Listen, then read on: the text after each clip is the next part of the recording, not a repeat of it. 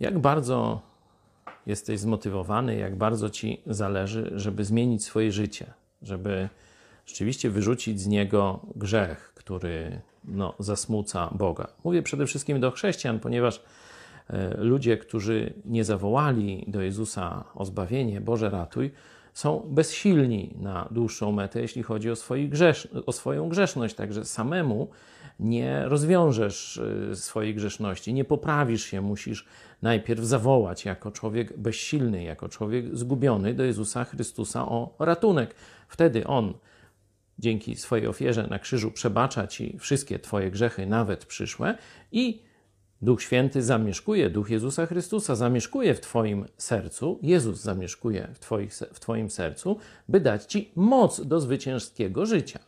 Ale dalej masz wolną wolę i albo możesz żyć po staremu, w tych samych koleinach, w tych samych grzechach, albo możesz zmieniać się ku świętości.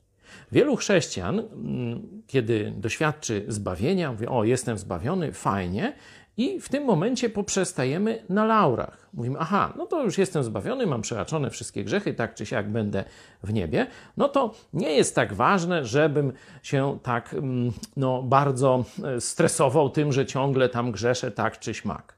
Otóż nie. Jezus Chrystus po to cię zbawił, byś był święty.